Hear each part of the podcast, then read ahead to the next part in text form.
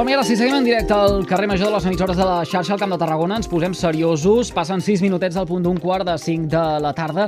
I tal com els hem explicat, tot just fa una estona en començar, un informe de trànsit publicat avui determina que el tram de l'AP7 a Tarragona és un dels més crítics d'Espanya, on s'han produït més accidents mortals i amb ferits. L'estudi y Volver, radiografia de los accidentes de tráfico en los desplazamientos de verano en Espanya, 2012-2021, l'ha elaborat Trànsit en col·laboració amb la Fundació Espanyola per la Seguretat Vial.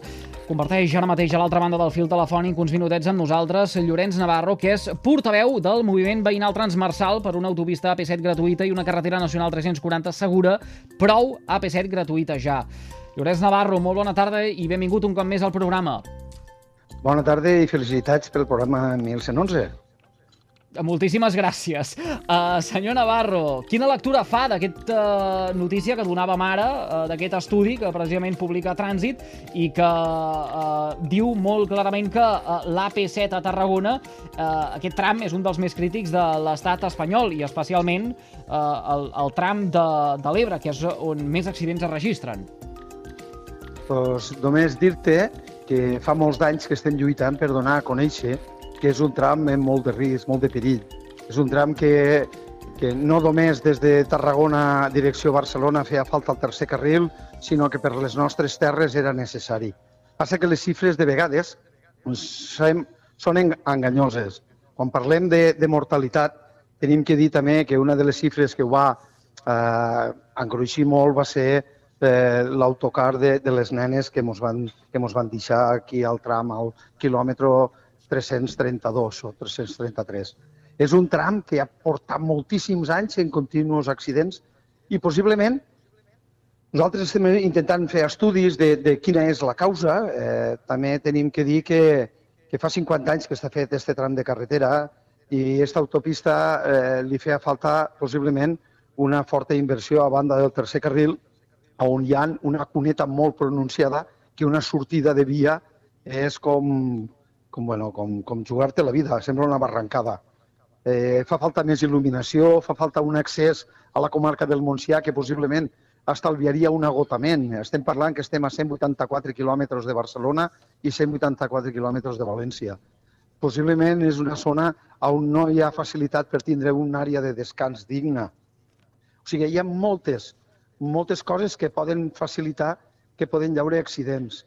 Quan va passar lo de les nenes, el mateix alcalde de, de Friginals va fer unes declaracions que al cap d'unes hores va tindre que retirar, perquè llavors encara era de pagament l'autopista i possiblement feia nosa que, que se sentigués que allò era un punt negre. I, i nosaltres estem lluitant contínuament per dir que, que s'ha d'invertir molt en, en les infraestructures perquè la seguretat de les persones. En, en la Nacional 340, en la, en la AP7, són vies que té, és l'autèntic corredor del Mediterrani i és el que fa falta inversió. Inversió que a la millor eh, se peguen galtades en, en el quart cinturó de Barcelona o se peguen galtades en, en, en, en molts de llocs i aquí a la, al nostre espai, eh, aquí moltíssima gent se deixa la vida i, i nosaltres el que volem és que, que sigui una zona digna i, i sobretot invertir, invertir, invertir. Que a les nostres terres només s'invertís moltes vegades en ficar càstors i en ficar nuclears. Mm. Senyor Navarro, uh, permeti'm que uh, assenyali les dades. Eh? Uh, de fet, el tram de carretera, dèiem que era les Terres de l'Ebre, i en concret uh, és entre els uh, punts quilomètrics 320 i 334, o el que és el mateix, Amposta i Freginals, amb 18 morts i 52 uh, ferits donat que l'autopista ara ja és eh, gratuïta, eh, es podia intuir que eh, acabaria amb eh, un volum de trànsit tan gran com l'actual i alhora amb una accidentalitat que hem de lamentar pràcticament dia sí dia també?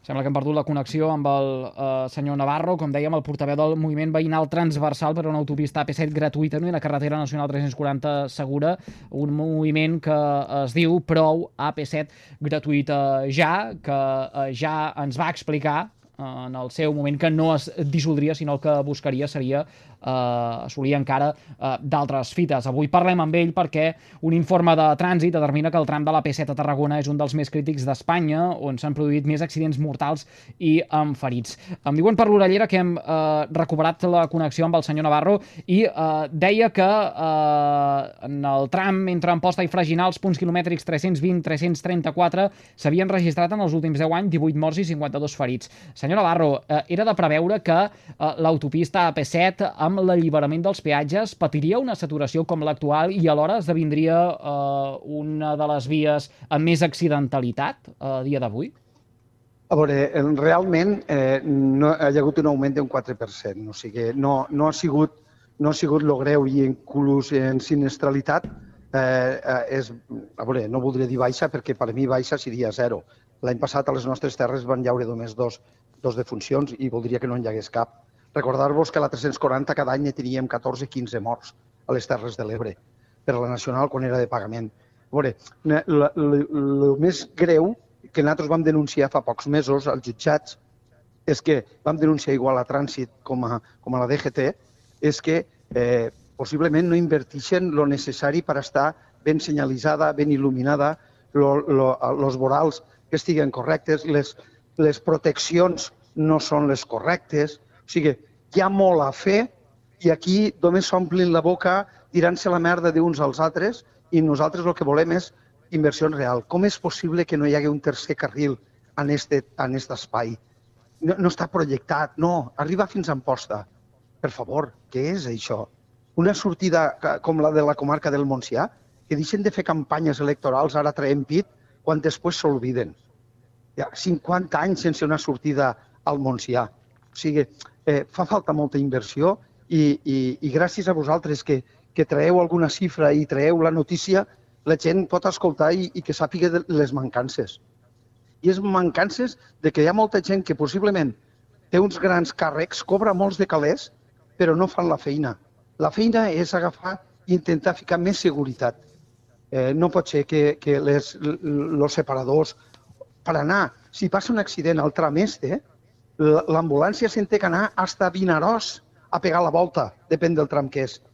És, és vergonyós. O sigui que fa falta eh, que es fiquin les piles de veritat, que deixin de, de ficar-se les medalletes en la reducció d'un 10%, eh, de, de 100 quilòmetres, eh, totes aquestes comèdies i, i radar que, que fan alarmisme i que, que és el que pretenen, el que tenim que fer també és gastar-nos diners en un bon alquitrà, en un tercer carril i fer una carretera digna.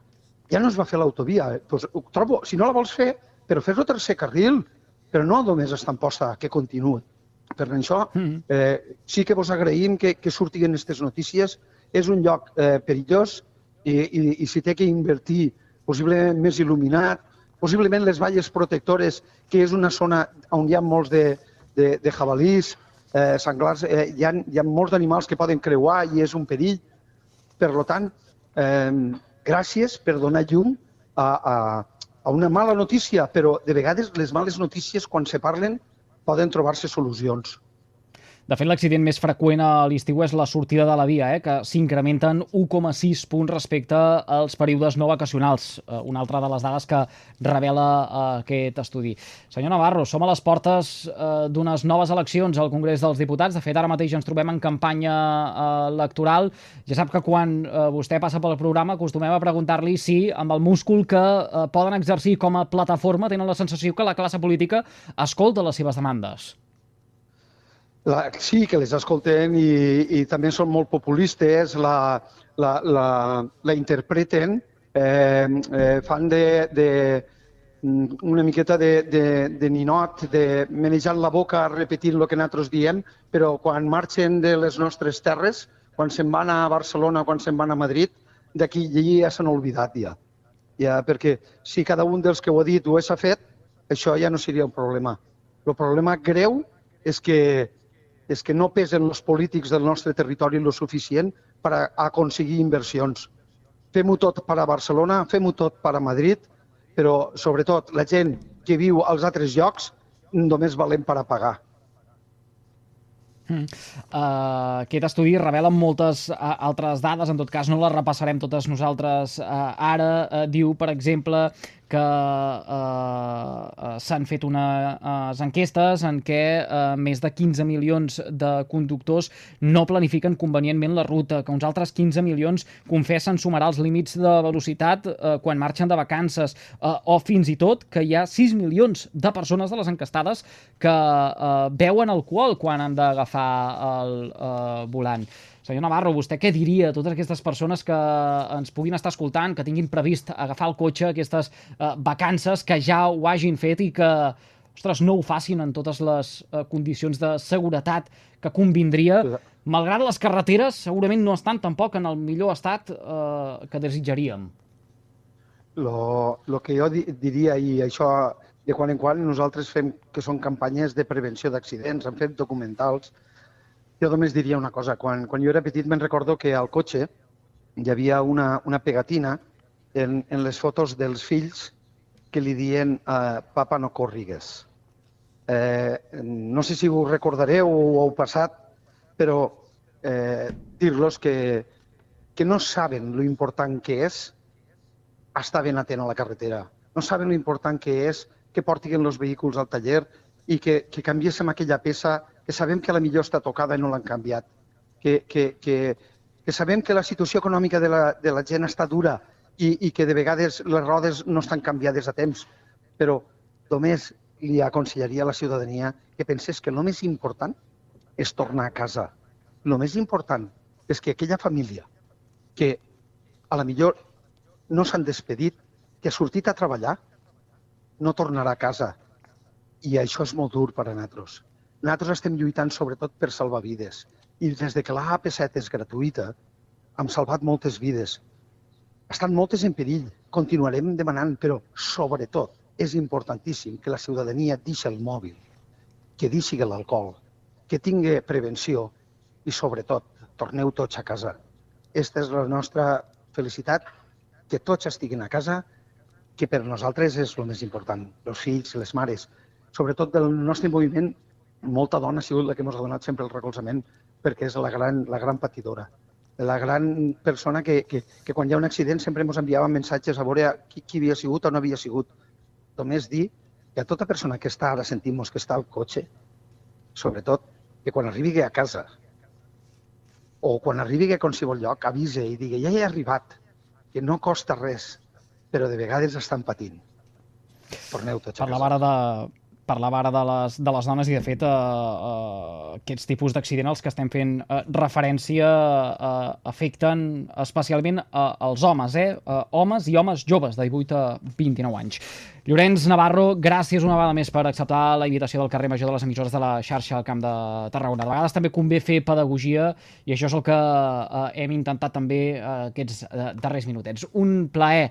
Gràcies i bon estiu a vosaltres i sempre pendents de vosaltres també perquè feu un gran programa. Una forta abraçada. Que vagi molt bé, Llorenç Navarro, que és el portaveu del moviment veïnal transversal per una autopista AP7 gratuïta i una carretera nacional 340 segura, prou AP7 gratuïta ja. Avui hem parlat amb ell perquè, com dèiem, un informe de trànsit ha eh, dit que el tram de l'AP7 a Tarragona és un dels més crítics a l'estat espanyol, on s'ha produït més accidents mortals i en ferits. Aquest estudi es diu eh, Ir y volver, radiografia de los accidentes de tráfico en los desplazamientos de verano en España, 2012-2021, i l'ha elaborat Trànsit en col·laboració amb la Fundació Fundació Espanyola per la Seguretat Vial, un informe que ha analitzat la xarxa viària en trams modulables de 20 quilòmetres en què s'hagin produït almenys 3 accidents mortals durant les vacances de l'última dècada. I els 10 trams de carretera amb més morts se situen a Tarragona, amb la P7, entre els punts quilomètrics 320-334, entre Amposta i Freginals, amb 18 morts i 52 ferits, també a Burgos i a Girona.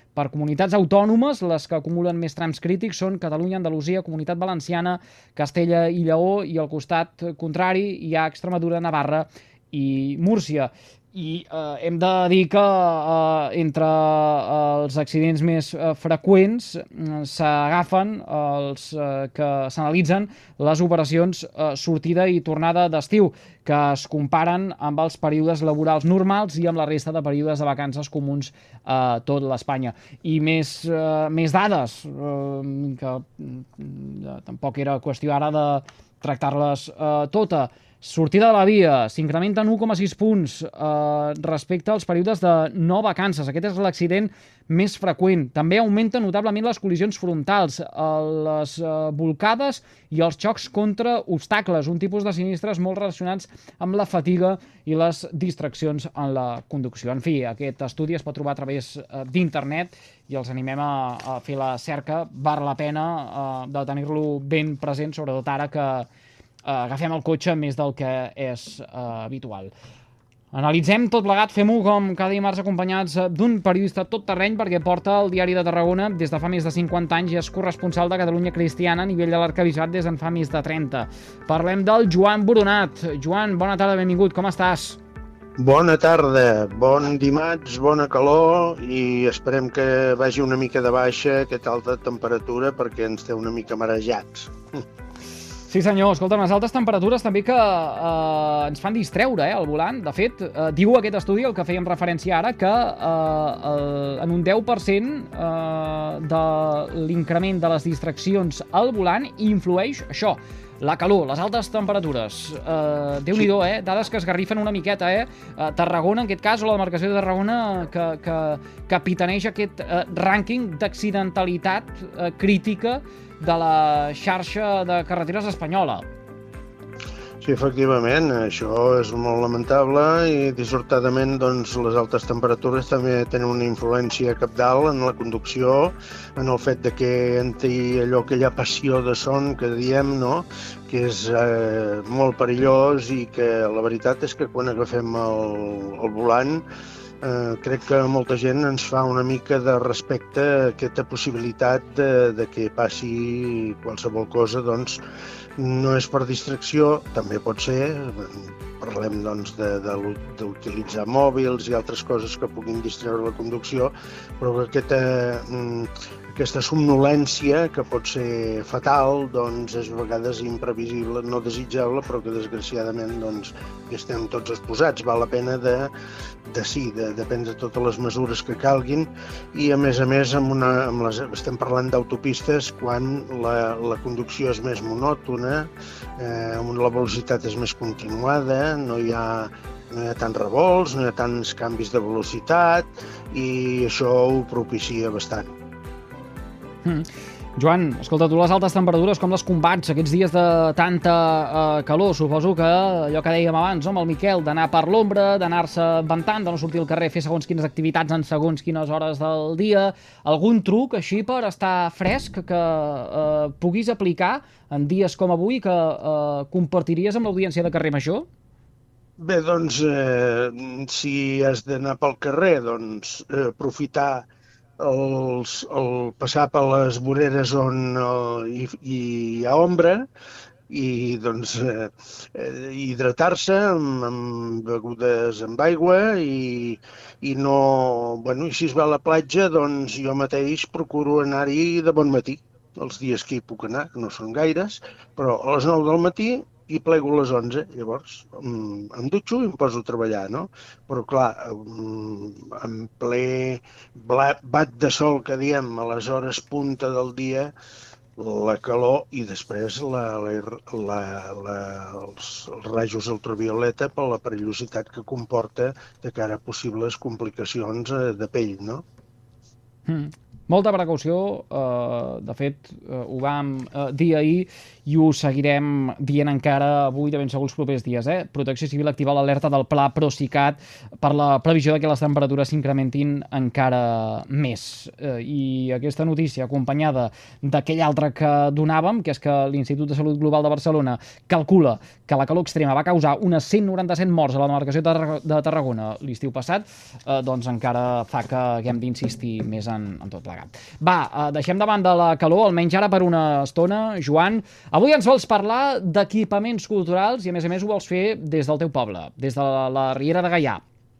Sí, efectivament. Eh, primer de tot he de demanar disculpes a l'audiència perquè anunciàvem dimarts passat que el dissabte, dissabte passat també, eh, dia 8 publicaríem quatre pàgines monogràfiques a Diari de Tarragona fent referència a les festes i a l'actualitat de, del municipi de la Riera de Gaià.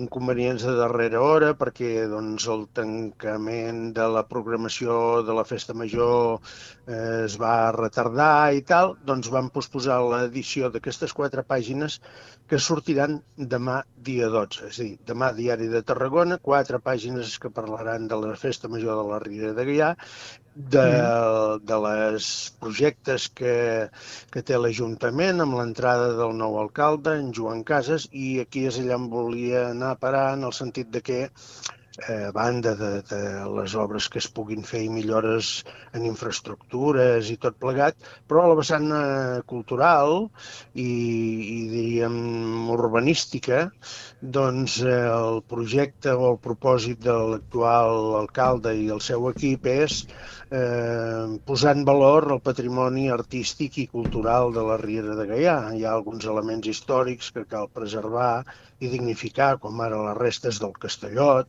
eh, que, que són unes ruïnes doncs, eh, antigues que hi ha dalt d'un montícul, i la Torre de la Vella, també, que està entre eh, la Riera i Ardenya. Són mm -hmm. aquestes dues restes en situa estan situades en finques privades, per quin motiu caldrà doncs, arribar a algun acord amb la propietat i veure què s'hi pot fer.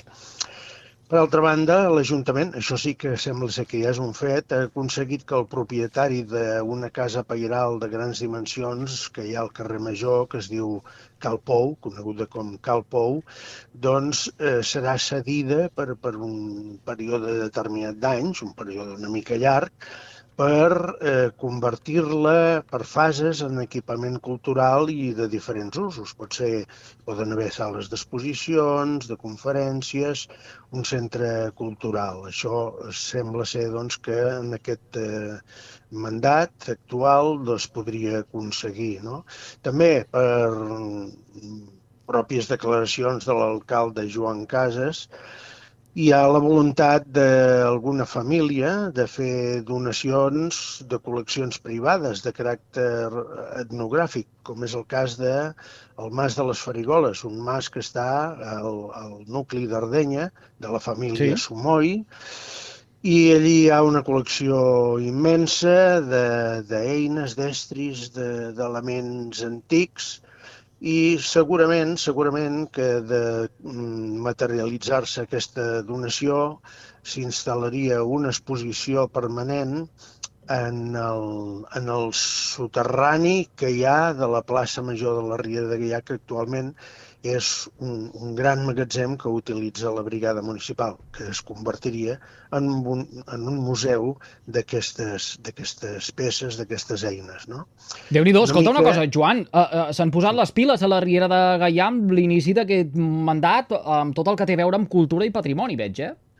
Sí, efectivament, perquè hem, hem de recordar, com fèiem memòria fa uns dies, no gaires, que el molí fariner, el molí del mig, doncs també s'ha d'acabar convertint en el centre d'interpretació dels molins del Baix Gaià i el que cal ara és museïtzar la part baixa de l'edifici, que és el molí primitiu, i donar-hi, eh, perquè pugui ser visitat amb la instal·lació de plafons explicatius, si convé un audiovisual, tot plegat doncs, per posar en valor doncs, les coses que, que formen part del passat i que cal preservar-les perquè en el, en el present siguin intel·ligibles i es transmeti tot aquest patrimoni a les noves generacions déu nhi uh, bones notícies que ens arriben des d'aquesta vila del uh, Baix uh, Gaià, fantàstic. A mi m'agrada molt parlar, de, parlar del Baix Gaià i parlar de les poblacions que ens queden a l'abast la, i que val la pena de visitar, eh? aquells que ens estiguin seguint ara mateix des de la Conca de Barberà o des de l'Hospitalet de l'Infant, encara que els quedi una miqueta més lluny,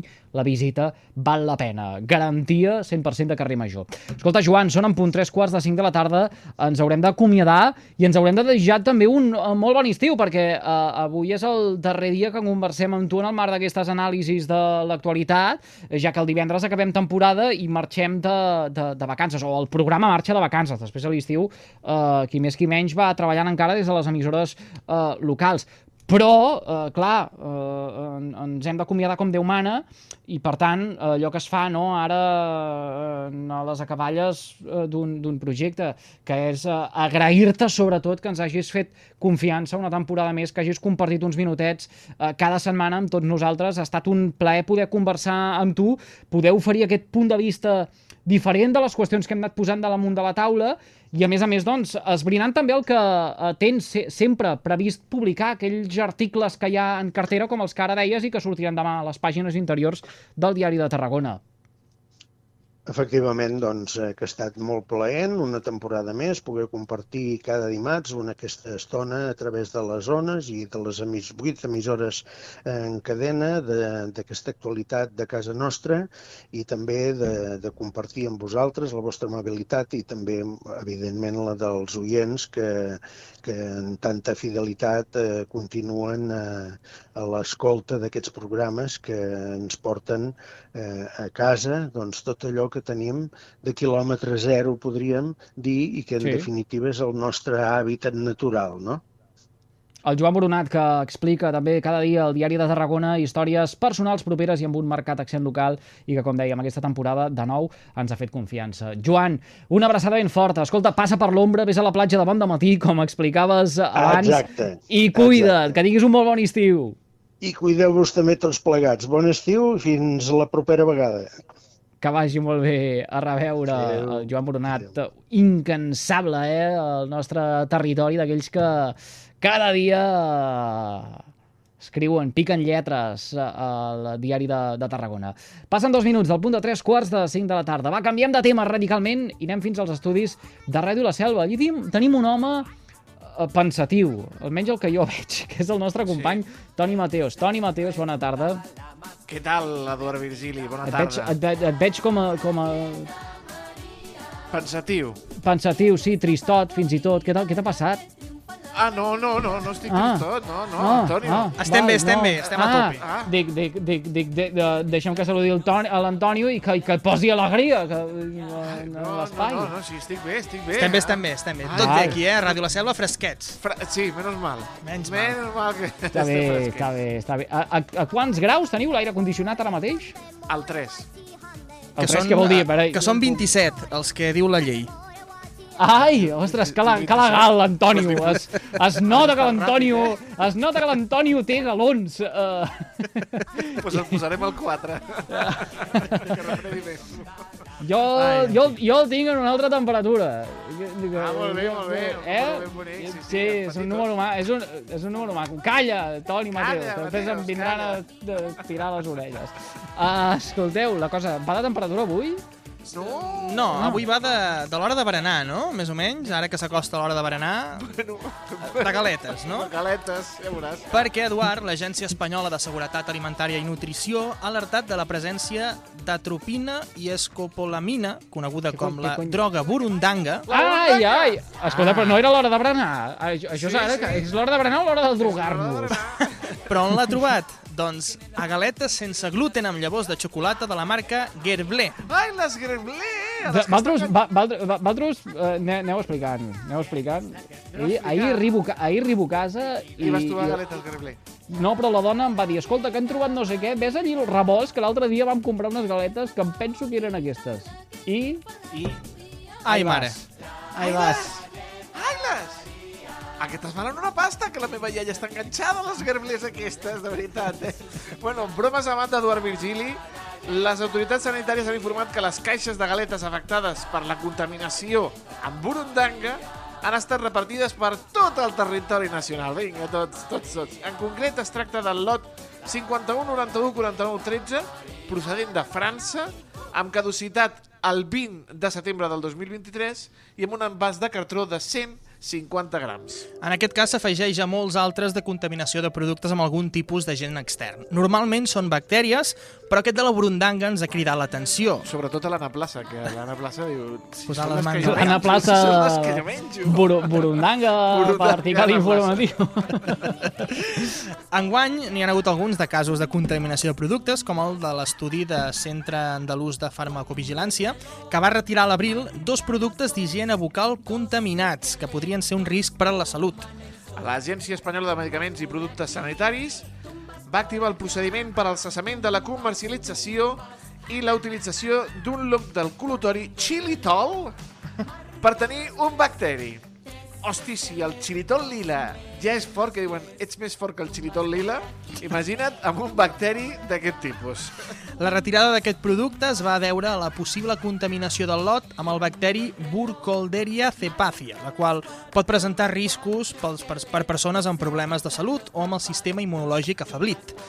I un altre productes, bueno, un altre lot de productes que van retirar va ser d'una marca de supermercats molt famosa que comença per Lee i acaba per Dill. Eh? Eh? Van haver de fer un comunicat el passat mes de març per posar en alerta a tots els seus clients retirant un producte que posava en risc la salut. Al comunicat informaven que es retira del mercat el producte cecina loncheada en aceite de oliva, amb data de caducitat 11 de juliol del 2023. No. Mira, justament avui. Justament avui, eh? Avui Caram. caduca aquesta cecina. El propi fabricant Freeber SA va ser el sol·licitant de la devolució del producte afectat per trobar-s'hi Listeria monocytogens en ell. El fabricant va demanar disculpes i ha afirmat que cap dels altres productes que fabriquen i venen en aquest supermercat que es diu Lidl, per si no ho sabia encara, s'ha vist afectat doncs, per aquesta alerta. Lidl, mejor precio y calidad. Poca broma amb la listeriosis, Eduard. Els seus símptomes en dones embarassades són febre i símptomes semblants al de la grip, amb dolors musculars i fatiga. I en casos extrem hi ha risc d'avortament. Per la resta de la població, febres, símptomes també semblants al de la grip, dolors musculars, mal de cap, rigidesa al coll, confusió, pèrdua d'equilibri i fins i tot convulsions. La listeriosi es va fer famosa, lamentablement, a l'estat espanyol fa 4 anys amb el brot que es va detectar en la famosa carmachada, no? que és molt típica Sí. sí. al sud d'Espanya. La que va fer en el seu moment va ser una de les més greus crisis sanitàries a Espanya. Va provocar 4 morts i 6 avortaments i va afectar més de 240 persones, la qual cosa va portar a presó a l'amo de l'empresa sevillana Magrudis i el seu fill durant 6 mesos. Va ser el 15 d'agost del 2019, aviat farà 4 anys, com ha dit l'Antonio, quan el cas va sortir a la llum.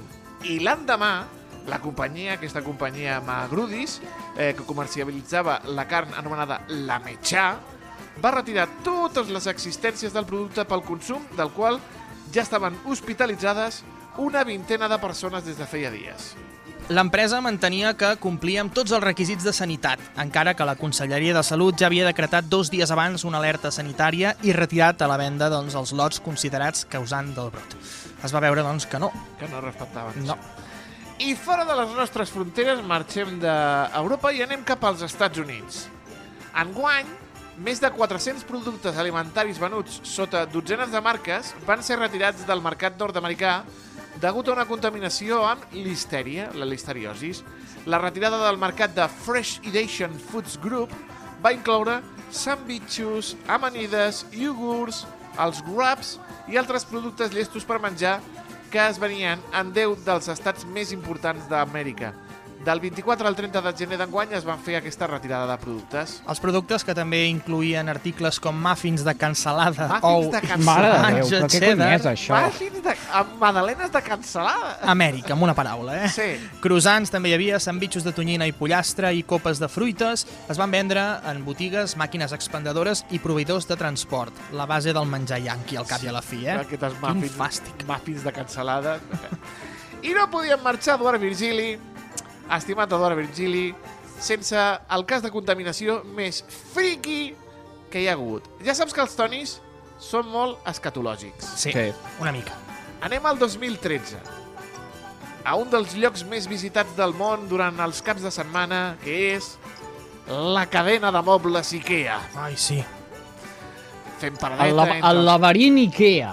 El laberint laberint Ikea, Ikea. sí, entre els Granflins, trens, paradetes de mobles, sofàs, els prestatges Billy i aturar-te al seu restaurant a fer un mos i provar el típic menjar suec per continuar amb la compra de la setmana, o del mes, o de l'any. Doncs aquell fatídic 2013, IKEA es va veure obligat a retirar els pastissos de xocolata i caramel que comercialitzaven als restaurants de les seves botigues a 23 països, després que les autoritats sanitàries detectessin que a prop de dues tones d'aquestes postres importades des de Suècia tenien alts nivells de bacteris coliformes, la qual pot indicar una contaminació fecal. Con, què has dit? Merda? Sí, Merda! Mai sí! més ben dit, no? Mai més ben dit! L'empresa pastissos de xocolata amb caca!